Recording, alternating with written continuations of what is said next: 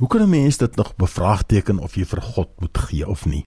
As u dit wat u vir God moet gee bevraagteken, of dit nou u talente is, u diens of u geld, weet dan dat u God self bevraagteken.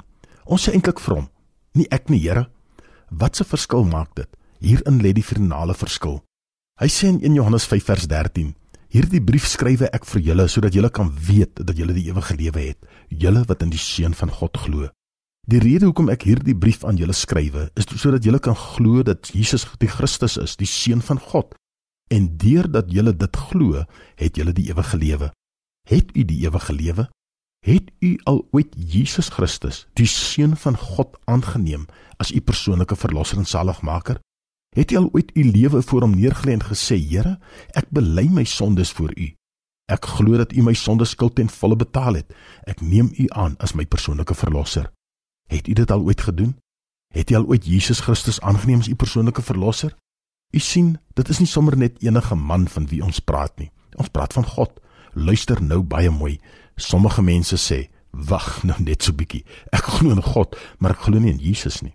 Jammer, maar dit werk net nie so nie. Wel, ek kan in God glo sonder om in Christus te glo. Nee, u kan nie. Wil jy vir my sê dat ek al daardie goed oor Jesus moet glo en dat as ek glo wat die Bybel oor God sê, dan moet ek ook glo wat die Bybel oor Jesus sê? Ek kan nie glo wat die Bybel oor God sê sonder om ook te glo wat die Bybel oor Jesus sê nie. Dit wat onskeibaar is, kan u nie skei nie. Jesus Christus en die Vader is een. U kan die twee nie skei nie. Of u aanvaar beide of u aanvaar nie een van die twee nie. Johannes 14 vers 9 En Jesus sê vir hom: Ek is al so lank by julle en ken jy my nie Filippus? Wie my sien, sien die Vader. Hoe kan jy dan sê, wys vir ons die Vader? Jesus sê in Johannes 10 vers 30: Ek en die Vader is een. En in Johannes 14 vers 6: Jesus het vir hom gesê: Ek is die weg en die waarheid en die lewe. Niemand kom na die Vader behalwe deur my nie. Nou, as Jesus Christus die seun van God is, dan is dit al manier waarop u en ek gered kan word. As hy nie die seun van God is nie, moet dan niks glo nie, want dan is alles vals.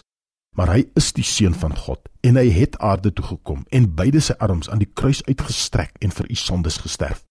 Dink u dat toe Jesus gekruisig is, het een of ander Romeinse soldaat sy arms teen sy wil oop forceer en vasgehou terwyl iemand anders die spykers ingeslaan het? Nee, hulle het nie nodig gehad om sy bene teen sy wil vas te druk om spykers in te slaan nie. Nee, hy het nie aan die kruis gewriemel toe hulle die spies in sy sy gedruk het nie.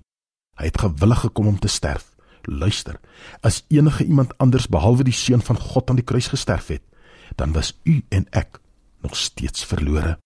Here Jesus, hoe kan ons u ooit genoeg dank? Hoe kan ons ooit genoeg u lof besing? Hoe kan ons ooit u naam seën en u naam genoeg gebruik om u te dank omdat u ons gered het, omdat u vir ons gesterf het, omdat u ons met die Vader versoen het? Amen.